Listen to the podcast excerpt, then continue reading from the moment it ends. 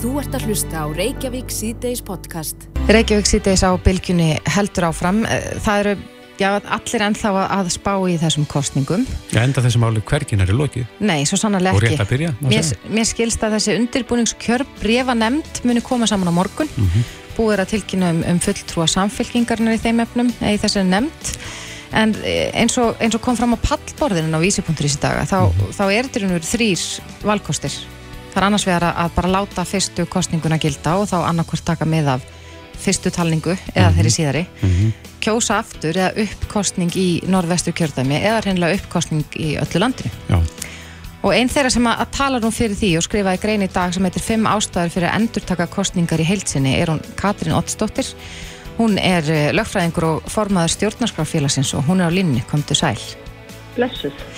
Já, eins og við se- sögðum hérna, þá er þetta nokkri valkostir og, og þú tala fyrir því að endurtaka ég kostningarnar í heilsinni. Hvers vegna? Já, ég vildi bara nefna þessar ástæður sem ég sé að blasa við varðandi það að fara reynilega í það að kjósa á öllu landinu sem er náttúrulega stórt mál og ekki eitthvað sem að ég veit að fólki kannski langar bengt til þess að heyra en ég held bara starfsvæðilega og röggfræðilega þá sé þetta svona eina rétta leiðin. Þetta er eina leiðin til þess að við komumst algjörlega fram hjá þeirri stöðu sem við erum komin í núna. Af því að það að Marðið Dómstóllinn hafi þegar sagt að kerfi eins og okkar þar sem að alþingismenn sjálfur ákveða um lögmæti kostingana standist ekki margmyndasáttmálan, þýðir bara það að við förum þessi leið sem við erum að siglinni núna, þá fáum við bara skellin í andlutið og þau munir kannski hversu huggulegt það var þegar landsréttamálið var fyrir í fyrra eða hitt og heldur. Og þurfum við þessi réttaríki í alvörunni og öðru slíku áfalli að halda ég held ekki, ég held við verðum bara í raun og veru núna að taka töfum og, og, og hor- horfa raunsætt á það hvaða staði komum við málið og hvernig við getum leist hann. En myndi ekki næja að kjósa bara í þessu kjördæmi, norðvestur? Sko ég held að ástæðan fyrir því að það nægi ekki sé fyrsta lagi svo að það myndi hafa brenglaða afstöðu fyrir þessa kjósundur í þessu kjördæmi að vita hvernig úrslitin eru í hinum kjördæmanum og undan. Það getur haft þau áhrif að fólk fyrir hann að kjósa með einhverju strategístum hætti og það er erfitt að sjá að það sé fullkomlega líðræðislegt að eitt kjördæmi viti niðurstöðu fyrirfram á öllu landinu en ekki önnur. Hverju myndi tapa á því? Ég veit það ekki, ég held að fólk myndi taka alls konar ákvarðanir tengdar því að vita hvernig úrslit er í öðrum ákvarðum. Ég veit ekkert hvernig það myndi fara, en ég held þess að það sé mjög, ójæft leikur að eitt kjördæmi hafi þetta fórskot að vita hvernig úrslitin er í öllum öðrum kjördæmum en ekki aðrir. Í öðru lagi þá held ég að vandamáli sé það að við erum að sjá að það var fullt af öðrum hnökrum og lögbrotum annars staðar í landinu sem að þarf að raun og vera að skoða alvarlega og laga og komið við fyrir að geta nokk tíma gert aftur. Og þess vegna held ég sé miklu miklu betra að fara í það að gera þetta almennilega því við fáum okkur sem er ekki fullskipað og endalegt alþingi úr því sem komið er. Það verður alltaf vafamál og deilur um það hverjir hafið átt að setja þarna og, og svo getur öll þessi rúlletta farið í gang aftur ef að við kjósum aftur í norð-vestur og voru það þá ólögmættir þingmar sem tóku ákvarðum að kjósa aftur sjáu þetta er bara einn fenga vittlisa nema við byrjum upp á nýtt. En nú breyttust uh, þar að segja hlutöld uh, kjörin af þingmanna sem, sagt, sem að lendu á flokkonum, þau breyttust ekki milli fyrstu og annara talningar. Nei, nei, Eru- en það er hins vegar þannig að fólk er mikið að velja sér fólk þegar það kýsa Íslandi, þannig að það skiptir kannski alveg verulegu máli fyrir einhverja hvernig þessar útskiptanir eruðu síðan. Og svo er það hitt að ef að þeir eru kostið aftur í norð-vestur sem er mér sínist nú að sé það sem margir er að tala um núna þá hérna getur það haft áhrif á jöfnunusætin alls þar annars þar á landinu líka. Og það er svo flókið. En, en þú myndist á hérna áðan og, og, og skrifar nú líka um það í greininin á vísi að, að, þetta, að þetta brot á kostningalögum hafi ekki verið það eina. Uh, hvað áttu við með því? Til dæmis það að í minnstu kosti þremur kjördeldum á Reykjavíkusvæðinu þá fekk falla fólk ekki leynilega kostningu vegna þess að klefarnir sem voru útbúinir fyrir fólk sem nota hjólastóla voru þess að það var ekkert að draga fyrir. Og félagið minn sem nota hjólastóla lendi bara því að það var gengið beint fyrir aftan hann þegar það var að kjósa. Og hann veit ekki hver það var sem sá hans atkvæði en þetta er náttúrulega algjörlega óbúðlegt. Svo erum við búin að heyra að í Reykjavík þá hafi við í raun og veru verið rofið innsiklið að utan kjör þingsatkvæðanum og farið að möndla með þau lunga áður en það var heimilt, það er aðeins heimilt kvöldið áður en kjörfundur hefst. Og líka í Kópói það var þessi innsikli virkuð ekki nóg vel þar heldur í einhverjum herbyggjum og svona. Þannig að það er bara mikið af þessu, ég heyri endalus dæmi og við vitum að hættirættur hefur áður talað um það þegar svona margir formlegir hnökrar eru á kostningum eins og gerði það 2011 að hans mati að stjórnlega þingskostningarna voru heila dæmdar ógildar út af svona atrið Þannig að þetta er svo alvarlegt og, og mér finnst þetta alvarlegast að öllu þessi fall-exi marðuðdóstólfin sem vofur yfir okkur uh, við förum þess að við erum að fara núna. Veist, þessi úrelda stjórnarskrá sem við búum við, hún er að, hún er að tósa okkur út í algjörst fenn og það er svo bagalegt að Alþingi hafi ekki getað hlustað á niðurstöðu þjóðrökkagreislunar 2012 og laga stjórnarskrona og sé fyrir viki núna orðið dómar í eigin sög. Það er hræð. En nú hefur verið allavega að tala um að Þórun Sveinbjörnadóttur mun taka sæti í þessari undirbúningskjörbrefa nefnd. Mm -hmm. Þannig að þetta verist verið að farið í gang þetta ferli sem að þú telur algjörlega tækt. Já, og ég held að þeim munu bara að grafa sína eigin gröf og verði bara góð um það en það er svona skildum að sem borgar að reyna að benda á það maður telur að þarna sé verið að fara eitthvað leið sem muni springa alltaf verulega upp í andlit líðræðisins og ég held að það sé það sem er það gerst og, og sjáðu Þórun Sveinbjörnadóttir hún þekkir báðar þessar manneskjur afskaplega vel sem um teflis, þetta er samflokksmennar það hvort sem það verður Rósa eða Jóhansi fyrir inn þá væri aldrei dómari látið dæma í máli sem væri svona nálattunum aldrei, hann væri alltaf vanhæfur mm -hmm. En hver, hverra er það að taka ákvörðunum um það að kjósa aftur? Alþingis Aldingi verður hennilega að koma saman og segja að þetta kostningar voru bara ekki nógu góða ef við endur tökja þessu. Og það er, eh, já, svona réttasta leiðin að þínum að þið? Mér finnst það, já. Ég held að þessi eina leiðin sem henni útklefa þetta eitthvað fyrir öll, ég veit hún er ekki öðvöld og það var aldrei sem að uh, Aldingi taka að heyra það á sínu tíma hafi ekki látið kjósa aftur í stjórnlega þingsmálinu. Það var rund að nota gegn því sem á eftir kom allan tíman og það er skorti umbóð og sluðis. Þannig að viljum við í alverðinni fara út í heilt kjörtjámbil þar sem þetta verður viðkvæði. Það sé alltaf verið að tala um að þetta sé löglust aldingi þegar þetta setja og gefa okkur hinnum fyrirmæli í formi laga. Það bara gengur ekki. Já, það verður spennand að fylgjast með í hvernig þetta fer. Katrin Óttsdóttir, lögfræðingur og formadur stjórnarskrárfélagsins. Takk kærlega fyrir þetta. Sumulegis. Þú ert að hlusta á Reykjavík C-Days podcast. Reykjavík sýtis á bylginu heldur áfram uh, í þessari kostningabaráttu mm -hmm. sem er nýja afstæðin þá fannst mér mikið talað um lítil og meðalstór fyrirtæki Já allavega svona, mér varst þetta hugtak lítil og meðalstór fyrirtæki vera svona fleikt fram oftar en vanarlega Einmitt og það er nú sagt að þetta sé bakbeinið í, á íslenskum vinnumarkaði. Það eru þessi lítil og meðalstóru fyrirtæki. Akkurat. Og uh, já við uh, heyrðum nú af því hér um dagina að við erum að stopna hagsmjölusamtök ekki satt fyrir, fyrir uh, þennan ánga Jú, það sem að það, því hefur nú verið haldið fram að, að þessi stóru samtök eh, í aðtónlefinu sé ekki að sinna þessum uh, hópi nægilega vel.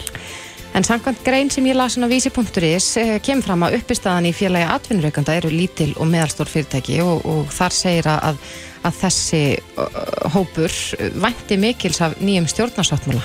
Og sá sem það reytar Ólaður Steffensen og Hann er frangotastjóri félags aðtunnireikanda. Kom til sæl. Já, kom til sæl. Já, býða allir með öndina í halsunum að, að, eh, sjá hvað kemur út úr þessum stjórnar sáttmála? Já, eh, í félaginu hjá okkur fylgjast með, með þessu að, tala svo um áhuga. Eins og þið nefndu þá, þá hérna, er uppistaðan í, í okkar félagi lítil og meðastór fyrirtæki og við höfum nú gætnan litið á okkur sem málsvara þeirra þetta félag til dæmis þannig að hér er eh, hvert fyrirtæki bara með eitt atkvæði og þá stærð. Þannig að við erum alveg eins að vinna fyrir, fyrir þá minni og þá sem eru stærri í félaginu. Já, en samt er nú verið að stopna nýtt félag þar sem að menn, mannu þykir svona ekki nægilega hugað að þessum stórum stærðum af fyrirtækjum Já, já, það er nú bara er alltaf gott að, að hafa samkjöfni í, í hagsmannagæslu þessu öðru. Mm. Ég, ég held að það sé alveg ágætt en ég held eins og að líka að okkar félagsmannum hafi nú verið vel sínt, sko. Já, en þegar það kemur að, að, að aðbúna þessara fyrirtækja á, á bara út í samfélaginu, er þá þarf að bæta þar? Já, sko, þið bendir réttilega á það að, að stjórnmálaflokkandi margir hverjir lagðu mikla áherslu á litla og meðalstóru fyrirtækin, voru duglegir að heimsækja þau og, og, og svo framvegis. En það er, sko, eftir bísna mikla slægast, það eru svona 19.000 launagreðendur á Íslandi, að þeim eru líklega, já, jáfnveil meirinn 10.000 uh, sko einirkja fyrirtæki og lang, lang, lang stærstur hluti, sko, 99% eða eitthvað sem eru uh, falla undir skilgreininguna á litlum og meðalstónum fyrirtækjum. Þannig að, atfyrirreikundur í þessum, þessum uh, fyrirtækjum eru, eru vel á annan tug þúsunda. Mm -hmm. og hérna e, framsvonaflokkurinn til dæmis stilti sér sérstaklega upp sem málsvara þessara fyrirtækja. Og hérna setti fram svona býstna handfasta tillögur um þrepaskiptingu á tryggingagjaldinu til dæmis sem er nú nokkuð sem að okkar félagsmenn til dæmis uh, hafa einna eftir á forgangslistanum yfir það sem þurft að laga í, í rækstarumhverfinu það er að, að læka tryggingagjaldið. Um, sjálfstæðismenn tala sömulegis um að þetta sé bakbeinið í, í, í efnahagslífinu og leggja áherslu á einfaldara regluverk uh, hagstætt og samkeppnishægt skatta umhverfi. Við erum ekki bara að hafa tryggingagjaldið. Eh, fastegnaskattur og atvinnuhústaði hefur til dæmis á, á sex árum hækkað um sko hátt í 70% vegna hækkana á, á hérna, fastegnamati sem að er yfirleitt e, sko útröðlu kortið við það sem er að gerast í rekstri fyrirtækjana þannig að þetta er, er sífælt þingri bakki. Já, að, aðeins varðandi þennan lið, hvað ætti að gera þarna? Þannig að þessar sjálfkröfu hækkanir komið í hverskipti sem að fastegnum verða hækkar? Já, það uh, einn laust gæti verið að hafa einfallega einhverja bara uh, eitthvað fast gjald á fermetra eða eitthvað slíkt mm -hmm. sem væri þá mögulega reiknað út frá kostnaðið einhverja þjónustu sem að, sem að sveitafélagin er að veita atvinnlífun mm -hmm. en allavega að sko, skattheimtan fylgir bara fastegnamatinu og sérunni sko útreikningurinn á neði líka svo flókin og forsendurnar svo síbreytilegar að þessi skattheimta bara uppfyllir ekki þau, þau eðlilegu skilir sem að verða að, að, að hérna, setja fyrir skattheimtu að hún sé skiljanleg og fyrirsjánleg fyrir þann sem að, á að borga skattin mm -hmm. og þetta er nú mál sem að ég rætti til dæmis hérna, við bæði formen frásunarflokks og sjálfstæðisflokks fyrir kostningar og þeir voru sammála um að þarna þyrti nú að gera einhverja, einhverja bragarbót Eh, það er mikið talað um, um eh, sko, regluverkið og, og, og einföldun þess. Uh, meira að segja vinstri græn sem að, sem að okkur finnst um stundum svona reglu og kröfu gladur flokkur eru sammála því að þurfa einfalda regluverkið fyrir minni fyrirtækin og uh, auðvelda fólki að stopna lítil fyrirtæki og, og reka. Þannig að þegar maður leggur þetta saman já það sem að, að flokkarnir sem eru núna að ræða stjórnamyndun sagðu fyrir kostningar þá væntamenn uh, sko einhverja handfasta tillagna um það hvernig það er hægt að, að bæta ræstarverðingur þessari fyrirtækja því að þau eru auðvitað sko undir staðan uh, í verðmættasköpun í samfélagi. Þannig að þú vilt sjá það meitlað í stjórnarsáttmála þegar hann lítur dagsins ljós ef hann gerir það? Já, já, alveg klárlega. Ég, ég bara býð spenntur eftir kallanum um lítil og meðastóru fyrirtæki. Já, en uh, Ólvar þá nú ekki langt síðan að við rættum saman um uh, akkurat það sem þú varst að kalla eftir svörum frá stjórnvöldum varðandi sko lögmætt á áfengisölu á já. netinu og nú hefur átjáferð, já, stemt fyrirtækin okkur upp Bjórnlandi og gert kröfu um að lagðarverði 50 skrónar dagsettir á starfseminna ef ekki verður orða kröfu þeirra. Um, hafa borist einhver svör um, um lögmæti þess hvort að selja megi áfengi á netinu eins og, eins og gert er ja, nokkuð víða? Nei, og það er sætt að segja bara afskaflega bagalegt. Nú er staðan svo að við vitum að átíðaferð hefur kært þessa uh, starfsemi, þessa netverslana til uh, lagreglu og, og, og síslumanna á skatta yfir þetta. E, þau yfirvöld hafa ekki séð ástæði til að grípa inn í þennan rekstur út frá því er hægt að draga það álítun að, að það sé ekkit aðtöðavert eða lagalega mm -hmm. uh, stjórnmálamenn til dæmis fjármálaráðherran hefur sagt að hann sjáu ekkert að þessari starfsemi hún sé góð viðbót. En á sama tíma er stopnum sem að heyri beint undir hann sem er áfengis og tóksvöldininn í rauninni að því að verðist sko að, að, að taka sér eitthvað svona lögregluð eftirlitsvald með því að stefna enga fyrirtækjum sem selja áfengi á netinu. Mm -hmm og þetta, það sem þetta býr, býr til fyrst og fremst er alveg gríðarlega óvisa og það er erfitt fyrir hvort sem er fyrirtæki sem ætla að koma ný innan að markað eða fyrirtæki sem eru fyrir og er að framleiða eða, eða flytja inn áfengi. Það er erfitt fyrir þau að una þessu. En eitt aðeins varandi þetta Ólafur, á það að vera hlutverk átíðaferð að eh, fara í málaferðli við þessi fyrirtæki? Er, er átíðaferð eftirlitsaðili varandi þessi mál? Sko, hlutverk átíðaferð er bara býstan vel skilgriðt í lögum. Það er að selja áfengi, ekki að hafa skoðun á því hvernig fyrirkomulega áfengisölu á að vera. en uh, sko stjórnvöld hafa alveg klárlega leiðbenningarskildu það tekur allt og langan tíma okkar maður að býða eftir niðurstöðu í einhverju dómsmáli sem að, sem að þessi ríkistofnun er að hafa sko stjórnvöld hafa leiðbenningarskildu og uh, verða að sinni, þau verða einfallega að segja fyrirtækjum sem vilja stunda löglega starfsemi hvað má og hvað má ekki í, í þessum efnum af því að það gengur bara enga veginn að, að, að hérna, fjöldir allar fyrirtækjum sem að velta því fyrir sér hverju degi hvað má og hvað má ekki í þessum efnum. Þeir sem að hafa verið í þessum bransa eru mögulega að mm, missa tekjur til þessara nýju netverslana, skiljanlega, e, telja sig þurfa að bregðast við, en hinn lagalega óvisa er mjög mikil og stjórnaldur ekki gera nokkur skapaðan hlutilega eðir.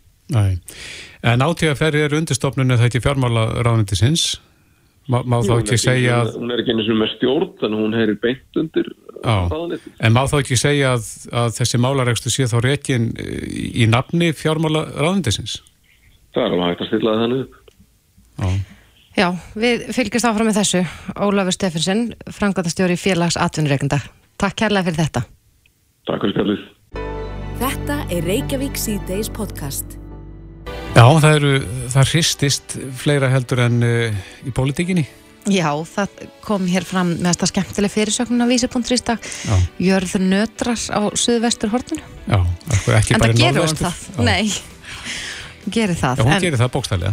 Akkurat, en það var, ég er skjálti af stærðinni 3,5 mm -hmm. sem reyði við rétt fyrir klukkan 2 í dag og hann fannst eh, vel víða á söðvestur hortinu og eh, já, þessi jarðskjálta áttu upptök sín tæpum kílometra söðvestur af Keili mm -hmm.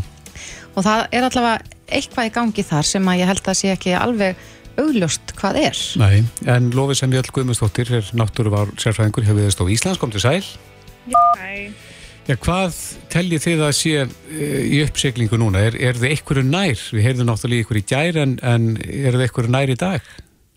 Já, það var vísendráðsfundur í dag og það svona var aðeins að ræða með um þetta. Það kom þess að ný einsarmynd í dag sem að síndi ekki neittir riðs eins og er. En í rauninna því að þessi skjáltar er svo nýlega tilkomnir að það tekur tíma fyrir eh, risið að sjásta á þessu myndum. Þannig að í rauninni værum við ekkert að sjá neitt fyrir en eftir nokkra daga. Það var mikið rætt hvort að þetta væri mögulega með þetta kviku innskot eða hins vegar bara skjálta sem eru á sprunguðana. Þannig að var mhm. ekki, fólk var ekki alveg sammála um hvað þetta sé. Þannig að í rauninu sjáum bara með tímanum hvernig það þróast. Akkurat. En uh, þannig að við erum að, ég man svo vel eftir því hérna þegar að skjáltatinu voru hvað mestir fyrra árinu að, að þá var alltaf að tala um sviðsmyndir eru, eru sem sagt sviðsmyndnar það er að annars vegar að þetta sé kveiku einskott eða hins vegar skjáltar á fleka mótunum? Já, í rauninni. Það er svona það sem við erum að skoða. Og ekkert sem bendir í aðra hver áttina þannig séð? Nei, ekki eins og er. Nei, en menn búast allt eins við því að, að jörðu opnist aðna eitthvað og, og að nýtt góð sprjótist út? Já, það er alltaf mögulegi. Þannig að við bara fylgjum spennt með hva, hvernig þetta þróast á næstu dögum. Mm -hmm. ja, hafið þið verið með já, auka mannskapi í tengslu við þessa skjáltar hinnu?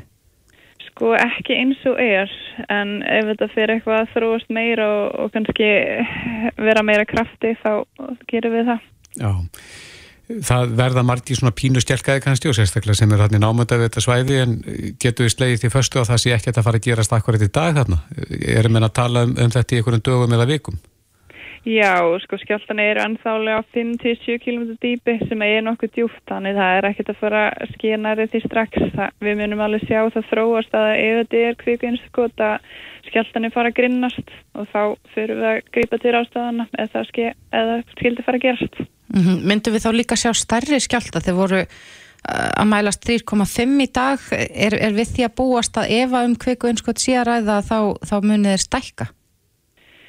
Uh, það gæti alltaf gæst og eins ef þetta eru bara skjáltar út af fleikaskilinu þá eh, gæti líka komið stærri skjálti þannig að þetta er rauninni begja vegna. Já, svona til að fá þá reynd að ef þetta eru járskjáltar á fleikaskilum að þá eru við ekki að tala um að það tengi sko síðan til það Nei, í rauninni ekki, þá er þetta bara fæslað hana Já, akkurat. Já, takk kærlega fyrir þetta Lófi Samhjall Guðmundsdóttir Náttúru var sérfræðingur hjá Veðurstofu Íslands. Takk fyrir Reykjavík síðdeis á Bilginni podcast. Reykjavík sýtis á Bilginni heldur áfram. Koffinneisla, Mhm. þetta er nú eitthvað sem er oft talað um Já, og ég held að það sé eins og fyrir okkur fullart fólki að þá er alltaf gott að svona, já, feta svona hinn gullna meðalveg. einmitt stilla koffinisli í hóf Já, og kannski vera ekkert að drekka of mikið koffín svona sent á daginn. einmitt. En í bakfengum og fréttablaðinu er verið að tala um koffinneislu ungmenna og svo sem skrifar þá er uh, Lára G. Sigurdóttir, hún er læknir og doktor í líðhelsuvísindum, kom til sæl. Komið sæl, blessið. Eh, Er þetta eitthvað sem að þú hefur áhyggjur af, Lára? Já, allan með þessar tölur sem að við erum að sjá í kannunum og rannsóknum, þá þarf maður aðeins að faldra við og skoða hvað er í gangi. Því að ég fæst eitthvað sem dæmi hérna í bandarækjum þar sem að ég var með drengina mína í námi en verðandi komið heim, að þar sér maður ekki þessar miklu koffín nesli hjá úningum. Nei. Og uh, það er einhvern veginn, ég veit ekki hvort það er náðust að uh, gera þetta einhverju tískuveru að því svona, maður sé það oft á samfélagsmiðlum og auðlýsingum að þetta er ofta að tengja þetta við eins og því sérstaklega orkudreikina við íþróttæðiskun þannig að um, þannig að það vakti aðtikli mín að þessa ný, nýja rannsók sem að hérna var að koma uh, var verið að byrta Mm og landskonun á íslenskum ullingum sem sýnir einmitt bara í raun svolítið svart og hvítu hva, hvað er í gangi og um, og uh, það er og meðalist þess að hvað orgu drikja nöstlan er í raun varhugaverð. Því að ef við skiptum uh, koffinneyslu bara í betra drikki og svalandi drikki eins og orgudrykkir eru þá er svo auðvelt að fyrir ullinga að fá mikið magn af orkudrykkjum á stöðum tíma. Ja, mm -hmm. af koffin á stöðum tíma. Og ef við skoðum bara þú veist þess að kemur fram í rannsóknir að svona, það sem tala um magn af orkudrykkjum eða koffínu sem að fyrir að valda sveflisi þá er það ekki nema uh, það er 1,4 milligram per kíló líkamstýndar sem er kannski hjá svona 70 kíló úlingi það er cirka 100 milligram af koffínu sem að þú far hratt úr einum orkudrykk Mm -hmm. og ef þú ert með kannski 40 kíló á stúlku þá ertu komin í tvöfaldan skamt sem að fara að hafa áhrif á svefni. Já, en þú segir að þetta tengist íþrótta yðkun er það, er tenging þar að milli þar að hjálpar koffin íþróttafólki? Nei, sko ég nefnilega, ég var um þetta ræðið um dagina því að það var einn ein, hérna, móðir og vinkunum mín sem var um þetta ræða þetta hver, hérna, hún var að fann að sjá þetta mikið tynnt við íþróttauðkun en það sem koffinu nefnilega gerur og trakka að vera að fá sér þetta eftir uh, íþróttauðkun koffinu er sko varslósandi það sem þú ætti að gera eftir íþróttauðkun er að, að fá vögv og vatn. Þú ætti að drekka en, en ekki að fá því koffin því það þú svitnar og, og tapar miklu vögva á æfingu þannig að þú bætir það ekki upp með að fáið koffin sem að sko e, ítir við nýrónum og losa ennþá meiri vögva þannig að þú lendir í ennþá meiri mínus að, í vaskasti. Mm. og, og líka með það góðan vögva bara til að byggja sig upp og, og endur nýja e, losa sig við úrgangsefni og endur nýja sig. Akkurat. Þannig að við byggjum vel að Já, en, en Lára, samkvæmt þessari rannsókn hvaða áhrif eh, hafði koffinnið á þá sem að, já, drukku hvað mest af því? Sko það var nefnilega eiginlega bara hvernig það sem að aðra rannsóknir hafa sínt er að, að um, þeir sem að drukku sagt, mest af koffinu að, um, að þeir voru líklega til að sofa minna en 6 klukkutímar á nóttu. Og það sem hefur líka verið sínt er að, að, sko, þeir sem hefur sofa minna en 6 klukkutíma að þeir eru líklega til að drakka fjóra okkur til drikkjadag, þannig að það er komin í fjórfaldan skantjabel með það sem er farið að tröfla söfnin. Þannig að maður spyrir sig, já, erum við að horfa hérna á vítarhing, þar sem að krakkanir eru þreytir og eiga aðeins með einbeta sér og fara að drakka meira koffín til að halda sig vakandi en það fyrir að tröfla söfnin því að koffín í raun, það er skoðum bara hvað áhrif hvað koffín hefur á heilun að það við þurfum að hafa þetta atunusín sem er starthormónu okkar sem fæst í ákveðin stæti í heilanum sem hjálpar okkur að sofa og það sapnast upp yfir daginn og fyrir sem að verður við þreytari eftir sem líður daginn. En ef að koffín, það tekur þætti frá atunusín hormónu þannig að það sest koffínu hindrar í raun að við verðum þreytt og getum sopnað. En ef við sopnum líka þá getur það samt tröfla þarna því að það er þarna um, e, að þvælast fyrir aðdýmasínu sem að hjálpa okkur að svo að vel og stekti djúpsefni þetta sem við framöfum til þess vakstarhónum og svona. Þannig að, mm -hmm. að koffin hefur alveg klár áhrif á svefni hvort sem við upplifum það eða ekki. En, en það sem er líka svolítið mikilvægt átt að er á að, að því að sumi segja já ég fæ minn og drikk og ég sopna og e, allt er læg með það, við erum alltaf allir mjög þess og e, en ef að e, það er um helmingur fólk sem helmingur okkar eru eiga erfitt með að brjóta niður koffin þannig að við erum ennþá viðkvæmara fyrir eh, áhrifum koffin svo við verðum kannski freka kvíðæn og fáum freka hjartláttuklöflanir og, og eigum sofum verð þannig þannig að, að koffin er mjög lengi að fara úr líkamann þetta er ólíkt neikotími til dæmi sem að brotna niður bara einu til tveinu klukkutími þá er koffin alveg, ef þú farir koffin drikk klukkan þrjú þá er líklegt að helmingurinn sé í blóðinu sko í heilanum á háttatíma Já og ef þú færi klukkan 6 þá ertu með meira hlutan á koffinni ennþá í heilan sem er þá mjög líklega að tröfla svefnin hér. Já, þannig að þeir sem að, þeir sem að þjásta svefn tröflunum eitthvað tægi þeir eftir nú kannski þá að byrja á að skoða þetta og taka þetta út? Það er úrslega erfitt ekki að hætta alveg einmitt og, og hérna og eins og þau sögðu í byrjun hana, var þess að ég held að það er mikilvægt að færa koffinnesluna fyrr, þú veist að reyna að halda sig kannski fyrst klukkan 2 þú veist, síðastu drikkum þá og svo fara kannski aftur klukkan e, 12 og svo jafnvel bara um morgunni, þannig að reyna að færa drikkin og svo jafnvel mikka svo e, smá saman magni, þannig að maður þarf vilt að gera því að þú koffinu veldur frákverðum hjá flestum, þannig að gott að mikka það svona jafn og þjætt og færa það aftur þar sem maður færði síðasta drikkir, það er alltaf mhm. fyrir og fyrir að deginu. Já, en ég rakka augunni það hér í mm. bakþöngum þínum að, að þau sem drukku mest koffin voru oftar einmana, reið, taugaspent og kvíðin. Heldur þú að það þurfir mm. einlega bara einhverja vitundavakningu á því hvaða áhrif, áhrif koffinesta getur haft á já, ungmenni? Já, alveg heiklust því að, að það, það hefur bara þekkt mörg líkamlega enginni og ég held að við oft svona Uh, af því að koffin er náttúrulega bara svo víða og stór partur af okkur að maður oft uh, gleym horfið fram hjá því. En, en ég sé það bara til að sjá fólki kringum mig að, að, að fullari fólki átt að sjá því að það finnur meiri kvíða það er ekkur kaffi.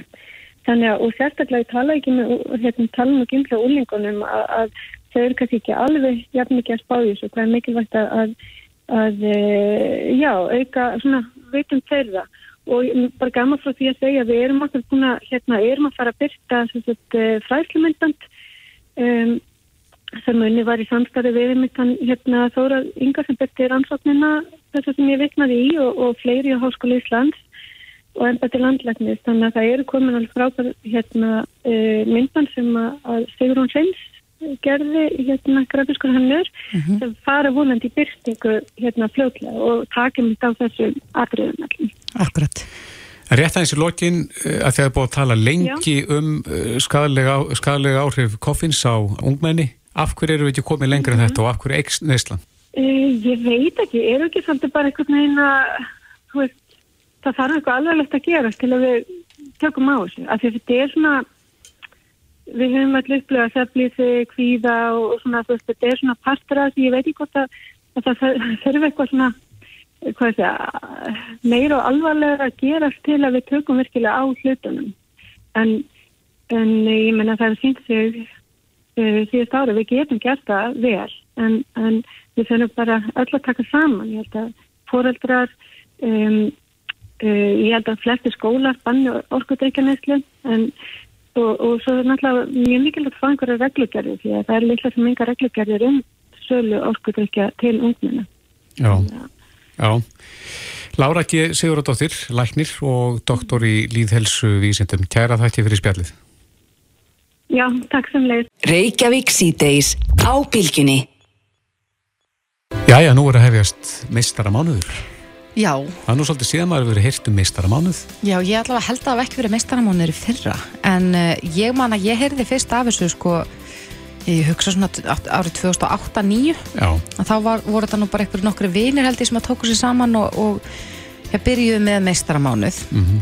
og, og ávar að rækta sinn innri meistara Já, ég held að maður geti tólkað þetta svona á, á sinn um, sem er tengið af reyfingu og helsu mm -hmm. aðrir tengja þetta við bara að vera besta útgáðan sjálfum sér held ég. Mm -hmm. Held að það sé nú einhver fastmótað reglur því en, en ég sko má til með að segja frá því þegar ég tók fyrst þátt í meistramániði. Já. Ég á með háleit markmið. Mm -hmm. Ég náði engu þeirra.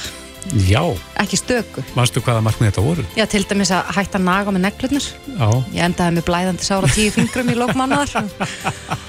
það var svona lýsandi fyrir gengið mitt í þessu, en ég hef tekið mig á síðan þá. Já.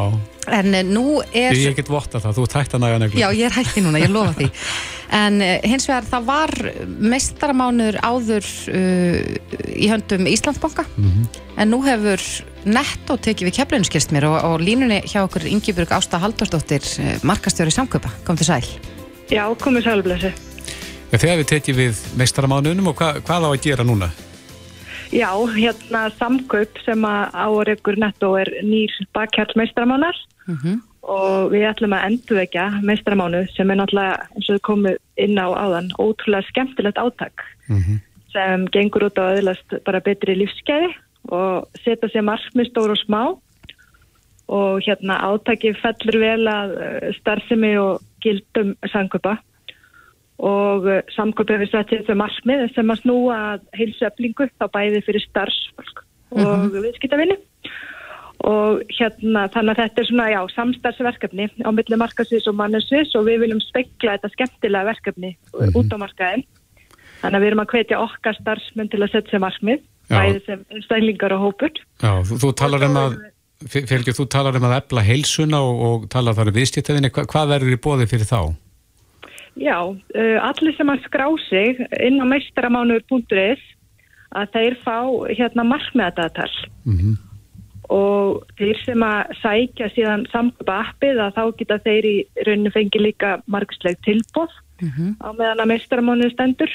Við munum gefa innegnir í appið til þáttakanda sem dregnir út og svo erum við líka bjóð upp á mjög spennandi fyrirlestararöð og fyrsti fyrirlesturinn er á morgun í hátteginu klukkan 12 mm -hmm. og það er að Magnús Skeving sem ætlar að fjalla um markmiðsetningu. Hinn eini sann íþróttu álfur. Já, já. já, ég sé það hér að þetta er já. svona á þessari helsu línu, streytur ágjafi, svepprágjafi, þjálfunar, sálfræðingur og fleiri sem að já, halda erindi í meistramániði. Já, akkurat. Þannig að þetta kemur auðvitað allt bara inn á það að, að, að mannrætt og, og, og finna hérna betri líðan mm -hmm. bæði hvort þú vilt hérna vinna í að betri svefni eða bæta mataræðið eða, eða reyfa þig meira en svo auðvitað geta bara markmiðin verið stóri eða smá og allt á því bara ég ætla að drekka meira vatn eða hérna ég ætla að fara oftar að heimsækja um og afa eða, eða þetta eru svona markmið sem maður er að heyra um mm -hmm. Já, ég hefði kannski átt að, að fá mér svona dagatal á sín tíma þegar ég tók þátt í þessum manni gekk ekkert sérlega vel eh, eru, geta sem þeir sem að teki þátt fengið einhvers konar já, ráðleggingar í hvernig er best að setja þessi markmið? Já, og það er einmitt hérna í fyrirlestra röðinni og þá eru svona stjárfræðingar á, á þeirra söðum mm -hmm. að veita ráðgjöf og við verðum líka með uh, í rauninni myndbönd út mánin sem við erum að streyma í gegnum miðlana og þá geta þáttakundur fylst með alls konar heilræðum þá bæði varandi hérna mataræði og seyfingu og, og slíkt. Er oktober mánuður meistaramánuður? Það eiga náttúrulega allir mánuður að vera bara meistaramánuður mm -hmm. en, en það er svo gott að eirnamerkja svona áttak við ákveðin tímarama og ég held að sé líka bara kærkomi núna að við erum að koma upp úr COVID-tímabilinu og þetta er svona bara gott uh, pepp áttak, mm -hmm. tjóðar áttak. Já, við hvetjum alla til þess að fara inn á mestaramánuður.is og skrási til leiks og bara, já, já. hvetjum alla til þess að vera besta útgána sjálfum sér. Já, endilega. Ingi Byrgásta Haldurstóttir, markastjóri Samköpa. Takk kærlega fyrir þetta. Takk sem leiðis. Takk. Bless. Bless. Reykjavík síðdeis á Bilginni podcast. Eins og við heyrðum í fréttum hér á Bilginni áðan að þá... Eh, já, hefur nótkunn síklarlefi í íslenska helbreyðskerfni dreigið saman um 30% á fjórum árum. Það er ekkert smá. Það hljómar mjög vel, mm -hmm. en þrátt fyrir sko, þennan samdrátt að þá uh, notu við tölvert meira af þeim en annars þar á Norðurlöndur. Já, þetta er 30% samdráttur á fjórum árum. Mm Og mest, mesti samdrátturinn var sko að milli árana 2019 og 20 og, og það er nú talið að, að ástæðan fyrir því er svo að, að já, samfélagslegar og einstaklingsbundnar sóttvarnar aðgerðir út af mm -hmm. kórnuverinu hafi spilað svolítið þungt þar inni. Já, þannig að við vorum kannski bara síður að síkjast. Já, og líka bara síður að hittast. Já. Þannig að það var kannski minni séns fyrir uh, síkla að, að ferast á millokkar. Já, en uh, Karl G. Kristinsson, yfirleiknar á síkla og verufræði til landsbítanans er á línunum, kom til sæl. Já, komið sæl. Já, þetta, það virðist ganga samt, þráttur þessar góðu tölur, þá virðist samt ganga illa að, að venna okkur af síklarlífum, svona miða við að við eigum metið ennþá. Já, uh, það má segja það, en þetta er nú búið að ganga vel núna síðust ára eins og sjáum á og uh, við erum búin að taka í í notkunni hvað ákveðna aðgerðar áallun eh, heilsugjastlu höfðu borgarsvæðisins hefur tekið upp sambarlega aðfyrrafræði og hefur notið svíþjóðum góðum árangri mm -hmm. Og þess vegna var notkunnin svona, e, farin að lækka hérna fyrir COVID og árið 2011 var líka tekinu bólusett gegn pneumokokkum sem að fækkaði eirnabókum hjá börnum og þannig að raunin hefur einna mest e, fækkun, eða minkun á notkun síklarlega verið í yngsta aldarsóknum Mm -hmm. Þannig að það er ímestlega sem kemur til en, en við erum að vissulega eftir á uh, að báti við hinn að Norðurlandi. Mm -hmm. En þú talar um, um aðferðafræði sem er notur á helsugjastlunni svipað og í Svíþjóð. Hvernig er svo aðferðafræði?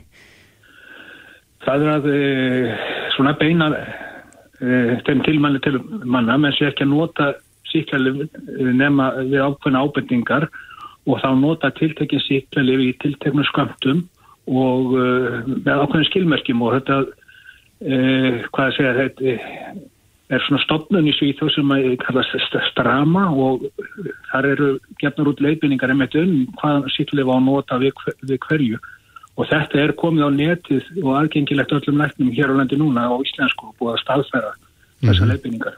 Þetta er mjög svona físilegt verðist þegar að nota síklarliðin til þess að ráðast svona rætt á þessar síkingar uh, vinnur líka minn svona ef að, ef að líka minn fær tíma? Áan þá að vinna á þessum síkingum Já sko þessar síkingar sem er mest verið meðhandlað það er þessar öndunafæra síkingarnar að í flestum tilvíkum vinnur líka minn á þeim og það er þess að við erum að reyna að gera er að fælka hlutfalli þeirra sem fá síklarliði til dæmis við skútabólgur og eirnabólgur og hálsbólgur svona þessar algengu síkingar því að það er ekkit allir sem að þurfa endilega síklarlega við þessum síkingum. En getur verið sásökafyllir að láta líka maður sjálfan eh, slást við þessa bakteríur?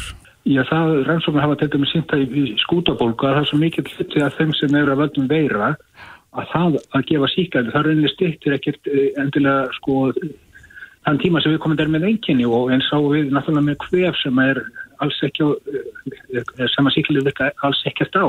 Mm -hmm. Er verið að gefa síklarlega við hvefi?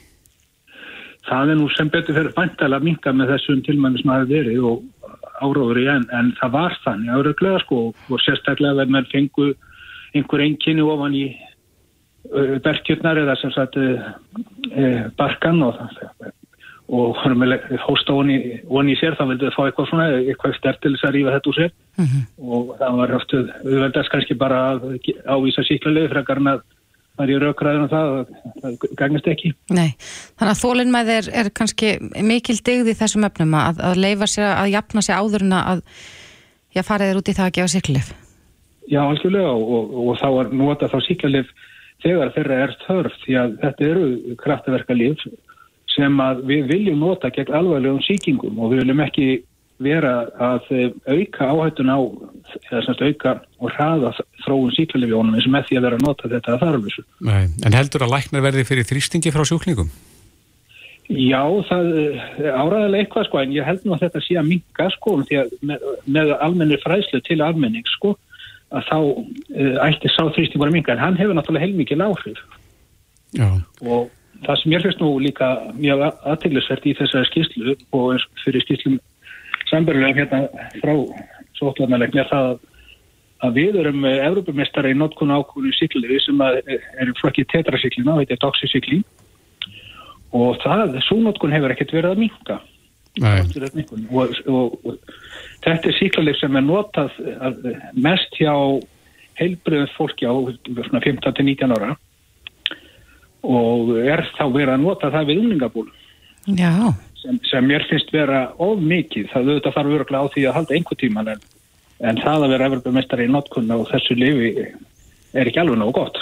Hversu margir á þessu aldurspili sem þú nefndir er að, er að nota slík síkli við úlingabólun? Kemur það fram í skýslunni?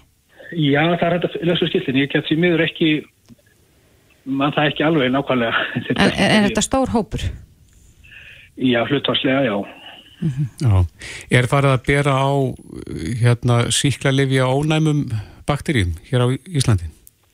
Já, þessi umræðum síklarlífunum og bakterjur hefur fallið niður sko í, í, í COVID-faraldrinum en, en það er faraldur í gangi sem heitir uh, faraldur á síklarlífunum og bakterjum og hann mhm. hefur heldur áfram og við þurfum á, hald áfram að berjast gegn því og e, það verður nú byrti nú nýlega e, á heimasíðu ráðunettana hérna, tilugur e, ráðgjafa hóps sem var að skila af sér skýslu um, um uh, hvað var í rétt að gera svona, hvernig aðgerða á allir ríkistöfnunar gætu orðið í barátunni gegn sýklarlegu ánami. Þannig að, en tölurnar þær eru niður á við, þannig að við bara fögnum að meðan það er. Ég sá svo sannlega, þetta var mjög ánægilegt að sjá þetta og, og uh, við vonandi bara heldur þetta áfram að fara niður á við. Já, Karl G. Kristinsson, yfirleiknar á síkla og verufræðild landsbyttalans, takk fyrir þetta. Já, takk sem leys. Hlustaðu hvena sem er á Reykjavík C-Days podcast. Jæja, Reykjavík C-Days, eh, þetta mál í norðvestur, eða þessi staði sem kominu þar upp, er, er svona fann að draga dilka eftir sér? Já, svo sannlega. Þetta er, já, þetta er allavega mikil flækja, það má, má segja það. Já, og svo spurning hver á að leysa úr flækjunni og, og er ekki verið að vísa í nýlegan dóm, mann er þetta dómstólsins? Jú, þar voru held ég alveg öruglega var Belgia í, í vesinni út af akkurat þessu og þá voru þingmenna að já, úrskurða sjálfur í sínum málum já. og það þótti brjóta í bá við mannreitndasáttmála Európu sem að uh, vissulega er lögfæstur hér já, Þannig að það, þetta málið er í töluverður klípu Svo og vantala býðu þá erfitt úrlösnumál þessari kjörbrífa nefndar mm -hmm sem að það var að koma laginnar. Já, en nú skilst mér að sé komin undirbúningskjörbrefa nefnd mm -hmm. sem ég þekki nú ekki algjörlega deili á en, en eh, lasum það á vefmiðlum í dag að Þórun Sveinbjarnadóttir er fulltrúi samfélkingarnar í þeirri nefnd og hún er á línunni, kom til sæl. Sælveriði. Já, þetta er nú kannski orð sem að fæstir þekkja undirbúningskjörbrefa nefnd. Er, er þessi, þetta er ekki einn eiginlega kjörbrefa nefnd eða hvað? Nei, hún er uh, skipu til bráðabyrða svo má segja uh, vegna þess að það er ekki hægt að skipa kjörbreyfanemnd fyrir ná fyrsta þingfundi og það gerist auðvitað ekki fyrir en að þing kemur saman. Mm -hmm. En, en þið fáið það verkefni, þið í þessari undirbúningskjörbreyfanemnd, ekki satt, mm. til þess að að ég raun verið ákveða hver eru næstu skrif. Það hefur verið talað um að séu nokkrir valkostir ja, í þessari stöðu sem upp er komin. Já, það er auðvitað mikilvægt að hafa það í huga að Nemndin hefur ekki störf fyrir en að landskjörstjórn er búin að skila og mér skilst að hún fundi á morgun klukkan fjögur og skili þá af sér og hafi ég uh, skili það rétt þá hefur undirbúningskjörbreyfa nefndin störf eftir helgi. Og, og undirbýr þá hvað? Já, undirbýr í raun afgreðslu alþingis á kjörbrefum þingmanna og inn, í því fælst að rannsaka hvort að kjörbrefin séu gild og hvort að kostningar séu gildar. Veistu hvað gerist ef að þið komist að því að kjörbrefin séu ekki gild vegna þess að þarna leikur vafi á að rétt hafi verið staðið að málum? Já, það eru ýmsir kostir í bóði samkvæmt lögunum, samkvæmt kostningarlögunum. Ég held að það sé mikilvægast að taka þetta mál skref fyrir skref og fyrsta verkefni kjörbreyfanemdarinnar er að rannsaka málið og ég uh, tel að það hljóti að verða forgámsmál í næstu viku þegar að allir þingflokkar verða búinir að tilnefna í undirbúningskjörbreyfanemdina að við förum í það og rannsökum máli til hlítar og síðan er það kjörbreyfa nefndarinnar að ræða hvernig hún leggur málið fyrir þingi þegar það er að kemur. En er ekki þessi dómur, mannreitindadómstólsins nokkuð skýr leiðisögn í því hvað, hvernig þetta mál fer? Sko hann getur verið það. Nú er ég ekki lögfræðingur og okkur ber að starfa eftir gildand stjórnarskrá og auðvitað lögum í landinu. Og samkvæmt stjórnarskráni þá hefur þingið þetta verkefni. Um, hvort að við viljum breyta því, til dæmis í samræmi við tillögur stjórnlega þings, er, er bara önnur spurning og eitthvað sem þarf þá að ákveðast í framhaldinu. Okkur ber núna að fara með máli sangkvæmt gildandi stjórnarskrá og lögum en ég hef að aðalatriðið sé að komast til bossi því hvað gerðist í norðvestur kjördæmi. Mm -hmm. Og það er þá eh, rannsók sem fer fram af ykkar hálfu í þess að nefnd í raun og veru þá með eh, öll þau gögn sem til eru eins og til dæmis skýrslu frá yfirkjörstur þar. Já, já, að því að ég best veit þá fáum við öll gögn í hendur og svo er það í okkar höndum að rannsaka það til lítar. Mm -hmm. en, en það er ekki búið að upplýsa um það, er það nokkuð, sko, hverjir hinnir eh, flokkarnir ætla sér að tilnefna í undirbúningskjörbri á nefndina?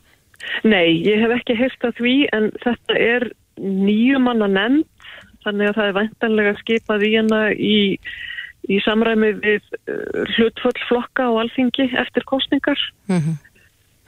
Þetta þér tækt að, að skipa jöfnunarsætistingmenn í, í þessa nefnd með miða við þá stöðu sem upplýð komin?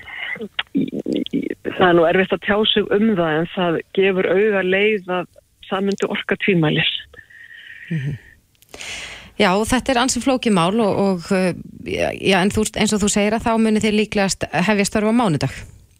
Já, ég á ekki vonu öðru en að við förum í þetta í næstu viku og að sjálfsögðu hlýtur það líka vera þannig að undirbúniskjörbrefa nefndin eh, taki sér þann tíma sem þarf en þarf ekki samt að, að, já, þarf ekki samt að hraða ferlinu þannig að þetta setja hangandi yfir mjög lengi Jú, jú, auðvitað þarf að vinna rætt en það þarf líka að vinna vel.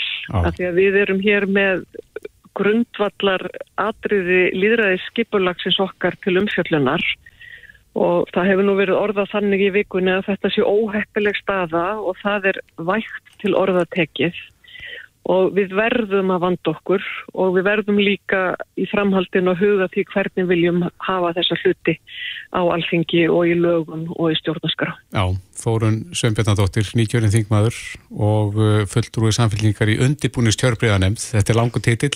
Kæra þakki fyrir þetta. Takk, takk. Þetta er Reykjavík C-Days podcast. Jæja, Reykjavík síðdeis, eh, kostninga nýjafstanar og menn eru svolítið að reyna að læra reynslinu núna og líta til framtíðar. Já, við allavega vitum það að svona, sko, já, niðurstöðuna liggja nokkurt með fyrir þó að séu einhver vafamál uppi varandi mm -hmm. talningu annars líkt.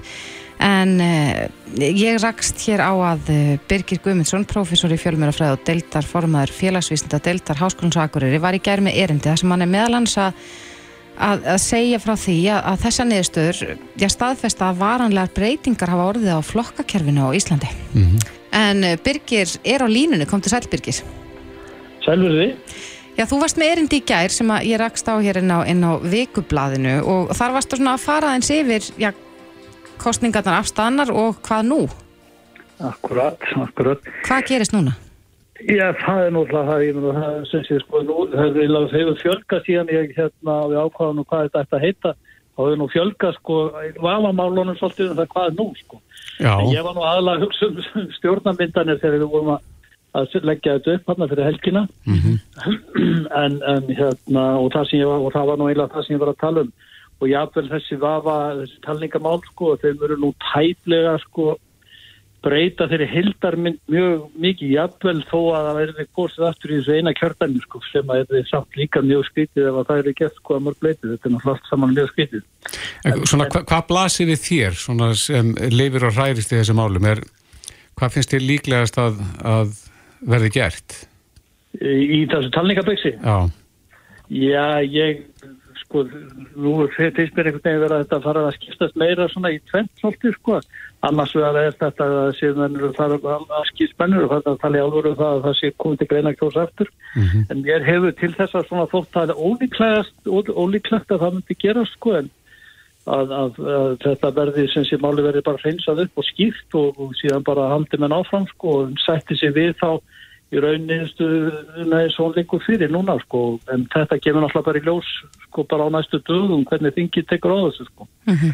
en hvernig sem það gerir sko að þá held ég að það verði svona þessi hildarmynd sko verði áfram sípuð, það eru ákveðni síðan fólk sem að eru flokkar sem að eru koma út sem síðan vera kostningana og þá verði korsið aftur í þessu kjörðinu og einhver kjörð og hérna öfnun og sætið fara á flakk að þá er það fyrst og fremst held ég myndi að hafa áhrif á, á hérna, einstaklinga en ekki flokkana sem slíka eða fjölda sæta sem mann hafa sko. Þá er því svona svipið niðurstaða Já, það er ekki, það er ekki svo, hún er ekki dramatíst öðruvísi sko, það, uh, hvað, hvað flokkana varðar sko. Mm -hmm. það var einlega það sem ég var að velta fyrir mér þarna í gær sko. það voru sem sé hverslas ríkistjóðnir eru mögulegar og, og hvað er svona líklegt að gerist í, á þeir í tíferðli sko, þetta er náttúrulega svona samhliða ferðli sem er í gangi, þau eru náttúrulega að ræða saman nú er henni stjórn og ég var svona að velta því fyrir mér sko hvort það væri eitthvað annað í, í spilanum kannski heldur en það sem var meira því sama sko. Og hver var helsta niðurstaðin þar? Erum við Já, að fara að sjá fram á, á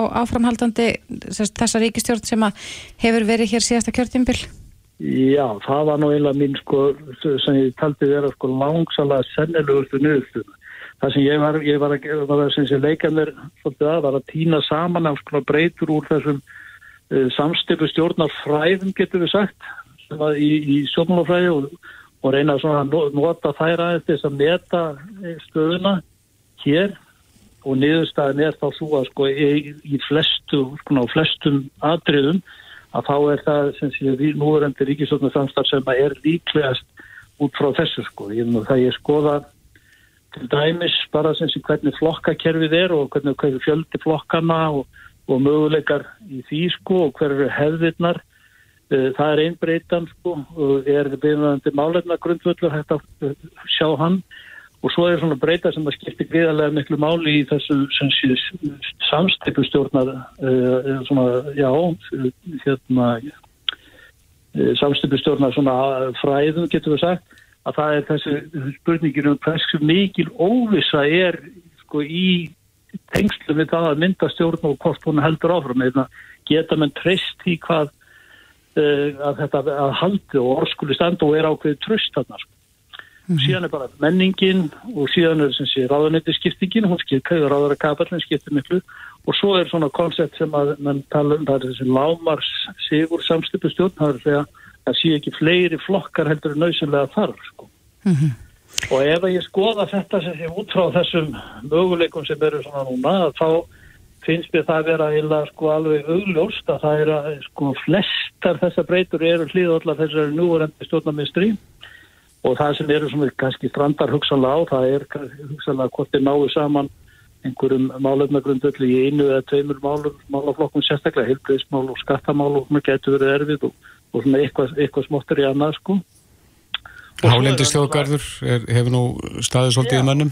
Staðið í mannum, það er og það er bara líklegt að það sé, verði þá ekki, það verði einhvern veginn bara skilgriðt held ég sko mm -hmm. út, af, út af borðinu þannig að það verði ekki það verði ekki tekist mjög mikið að það verði farin einhver svona millilegði því sko En nú hefur líka verið mikið talað um byrkira að ja, Katrín Jakobsdóttir uh, sem rosalega vinsæl sem uh, sko fórsættisráð þeirra og það sé krafa vinstir grætna að hún haldi þeim stóli heldur að, að þetta gæti orðið eitthvað bitbein í þessum uh, viðræðum Já, það er eiginlega svona hittatrið sko, þetta er valda sem, sem er áþarakapalinn og valdaflutullin innan ríkistjóknarinnar sem að hafa breyst sko. Það er það sem er eitthvað svona úrlausnaröfni að þessum sem sé sex breytur sem ég var að nefna hann á þann sko. Mm -hmm. Að þá er það kannski það mál og það er það sem kallar á einhverja nýja nýja nálgun og nýja skiptingu sko og hvernig það er. Ég meina nú eru sætaskiptingi þannig að sjálfstæðslokkurinn er með fimm og hinn er með þrjá og svo er viðsögðinu með fórsetta alþingi sem er nú svona íkildi ráðhraðstóms og það er þá bara spurning sko hvernig menn, menn sem sé svissa þessu og, og ég held að það sé eiginlega og við merkjum það svona bara að talið þeirra sko og, og líka hvað er skynsalegt í stuðin að, að menn muni sætta sig við það að, að hérna, hvorki Sigurður nýja bjarni muni gera kröðu um það að verða fórstu fá fórstisfráðnandastólinn sko því að mm. það myndi líka svona brengla svolítið hlutföllin uh, í, og dýnamíkina í stjórninni þannig, þannig væri vegna þess að og, og, og líka bara hvernig þeir hafa talað um hann sko. það er, það er, það er eins og ég séu svolítið að samfara sína fylgismennum sem róleg, sko. þetta er allt í lægi sko. En sérðu fyrir að það verði eitthvað vikslanir með ráðuniti að, að þau svona flætti millir flokka og jafnvel verið fjölgað? Já, ég held að sko framsóknarbenn muni þá eitthvað sko til viðbútar hvort það verður alveg heil viðbúta ráðherra sko eða hvort að það verður einhver þingri ráðuniti og það er svona, þetta er svona eiginlega bara svolítið tæknilegt úrlausnarefni sko. Að það er engin og mjög líklegt að sjálfstæðisflokkur munir reyna að komast í helbriðisráðuniti sko. Og, og hérna og við vinstum gærni þá haldi sem sé fastisráður á fólnum og tveimur ráðunitum en missi kannski uh, fórsetta hérna þingsins, eitthvað klíkt mm -hmm. en það er auðvitað svona sko, það held ég að sé bara verkefni sem þau eru að tala um núna þessa vikuna og, og svo þegar þau farin í formlega, formlega hérna, viðraður nákvæmlega hvernig þetta á að vera en þau, ég held að verði ekki þegar við búin að lenda svona nokkur meginn máleitnagrundöldunum mm -hmm. svona hvernig nákvæmlega það verður og þá verður þetta syns, og ég held að það verður reyndar ekkert mjög ekki svo rosalega erfitt, það hefur oft verið erfiðara sko mm -hmm að, að þá, þá verður þetta sko, sem sé, farið í þetta tæknilega úrlösnörni og það er allskins hluti, sko, ég menna, verður kannski stofnað eitthvað bætt við ráðuniti, vitt lofslagsráðuniti, var það ekki hérna eina sem sé, setnum ánum framsóknar, sko. Akkurat. Og, svona, sko, og, hérna, og hver fæði það að ótrúlegt reyndar að lofslagsráðuniti er því aðskilið frá umhverjusráðundinu, eða mann finnst það svona ekki líklegt en svo er hægt að skipta upp sko, það eru tveir ráður í játun og nýskupunar ráðundinu mm -hmm. eins og þetta er núna þannig að það er, það er alls konar möguleikar til að, að breyta þessu en stóra myndi verður þannig að, að ég held að framsók komu þá fá við svona aðeins meiri þingt þannig inn í þetta til þess að, að hérna svona bara til samræmis við þau ekki kjörfylgi. Já. Svo hafa er sko það er sko líka svipan sem rekur á eftir þeim sko, já, gullrót og, og kilva var það gengt þegar kallað að það er kannski þeir aðrir möguleikar sko, eru ekkit endilega mjög spennandi sko. Nei. Eins og hverjir? Það, það, ég menna til dæmis, það eru þrjár það eru tvist og þess þrjár svona þryggjaflokkastjórnir sem að eru þá inn í, í bóði, það er þá framsók og sjálfstæðarflokkur færi með flokki fólksins til dæmis. Mm -hmm. Það er gæti við, eða með, með viðrist, það er náttúrulega líka, það uh, gengur líka upp þannig sko. Já. Það er ekkur og eftir sem sem vinsturgrænum svolítið alltaf er virkilega að fara að spila sko hérna möguleikanum og að vera með, með fórsætti fyrir ríkistjórn og leiða ríkistjórn og hafa áhrif spilaði út fyrir eitthvað sko ef að það er sem sem leiða þá aðra flokka til valda hugsanlega sko og segja. Já og sama gildir eiginlega með sko með, með, með bæði framsókn og, og hérna sjálfstæðarflokk þó að framsókn hafi mest spil, bestu spilin á hendi, það eru flestar svona flestir valkostir í bóði fyrir þá en, Já, en, en það eru þá fjara og, og við hefum fimm flokka stjórnir sko. Já, því mér er tíminn hlaupin frá okkur en ég held að við munum nú ég allavega að gefa þeim út vikuna eins og þau hafa mark beðið um Birgir Guðmundsson, stjórnmálafræðingur og professor við Háskólan Akureyri. Takk kærlega fyrir þetta. Já, takk fyrir eitt sem leiðis. Reykjavík síðdeis á Bilginni podcast. Það er mikið að gerast í, í knastböndunni í Íslandsku en við erum hirt af uh, kallaliðinu og uh, allt, allur orðrómurinn þar umkring og en við vekjum að sérstaklega aðtikla á því að á, á morgun er úrslitin í, í byggjarkeppninni KSI hjá konum og það eru er engir aukvísar sem að mæta þar á lögadagsvöllin bæði lið því að hvernagnarsbyrnan hefur tekið miklum framförum á undanfjöndum árum og við erum hér með fyrirliða liðana sem að, sem að mætast á lögdagsvelli á morgun breyðablík og, og þróttur Ásta er eh, Árnardóttir er fer fyrir blíkum og og e, Álfildur Rósa Kjartansdóttir fer fyrir þrótti og hvor vinnur? Já, ég held að það sé mikil sigur vilja hafa báðum liðum mm. en ég ætla að skjóta þróttar hana en, en nú er munur á e, sko blíkastúlkur hafa unnið e, byggarkefna hvað, tólsinum held ég eitthvað slíkt en þið eru það ungar því að náttúrulega er ekki með það rekord að pakka ykkur en, en, en þróttur í fyrsta skipti hvað segir við því? ekkert bágnar að mæta reynslu liðinu?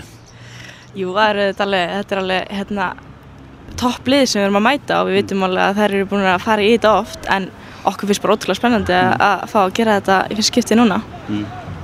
og. Er góður mórall, eitthvað hefur það tilfinningun að það sé svolítil sveifla í þrótturum, Já. stelpunum? Já, já, það er mjög góður mórall núna og hérna bæði í liðinu og hérna bara hjá öllum hérna, stuðningsmönnunum, Mm. frábær mórall þar. Já. Þ- í mótum sumars hafið þið, var lagt upp með þetta í upphafi? Við ætlum að taka bíkarinn eða dildina? Ekki beint eitthvað sem að var lagt upp með en hérna þetta gekk bara svo ótrúlega vel í sumar og, og hérna hingar við bara komnar og ótrúlega ánægð með það. Mhm. En þið farið vantarlega ekki inn á völlin, þið blikastúlkur með hérna, við hefum gert þetta svo oft, við vinnum þetta, þetta verður bara öðvöld. Nei, alls ekki. það, það er ekkert að fara í leiki þannig og við þekkjum það allar og, hérna, og svo er bara byggarkemmin líka bara byggarkemmin, þetta er bara allt eða ekkert og það skiptir engum máli ykkur önnur úrslit sem hafa verið eða neitt svoleiðis, þetta er bara ný, nýr leikur og nýtt mót, þannig að alltaf er spennandi. Mörg stórlið sem að þið eruð að mæta þessa dagana, Real Madrid, Paris Saint-Germain og Þróttur. Já, þetta er allt bara stórlið sko, það, hérna, við mætum bara í hvern einasta leik með sama hugafar. Þannig að anstæðingunum skiptir engum máli og, og ég veit að leikurinn á morgun verður hörku leikur og bara stál í stál.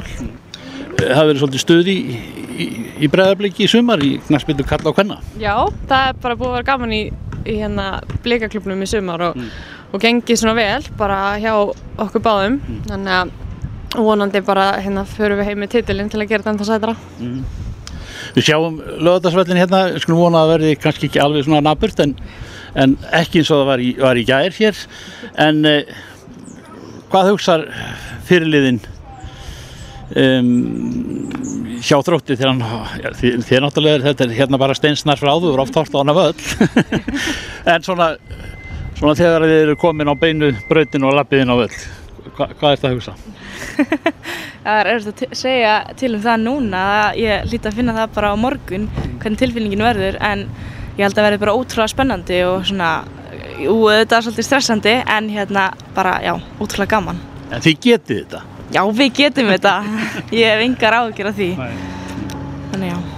En þið, þegar þið hlaupið inn á? Það er bara alltaf gaman að spila úrslutleiki og tilfinningin er alltaf geggjuð þannig að það er náttúrulega bara ákveði kýll í maðunum og svona sem að maður fær þegar maður lappar inn á lögaldisvöll þannig að og bara mikil spenna og, og, og bara eins og alveg til að segja það er bara, maður smiðið bara að vinna leikin sko. Ég veit, ég má ekki spyrja þetta en uh, hvernig fer þetta? Uh, úf, það er mjög erfitt að segja. Ég get ekki spáðin um hennar leik og ég held að enginn geti það því að þetta er bara allt öðruvísi keppni heldur en allt annað. En ég ætla að segja að þetta verði 2-1 þróttur. Já, gott. Gott, en hvað segir blikinn? Ég ætla bara að snúa þessu við það verður tveit bregðblik Gott og vel, en þið lappið saman inn á öllin á morgun. Og, uh, Eitt vitum við að þetta endar allavega einhvern veginn en ég ósk ykkur góðskengis og þið eru fínir fulltrúar knaspindu kvenna á Íslandi þar að segja að maður, maður finnur fyrir svona bylgju sem að fylgir ykkur á morgun á öllin. Takk fyrir. Takk sem leiðis. Takk sem leiðis.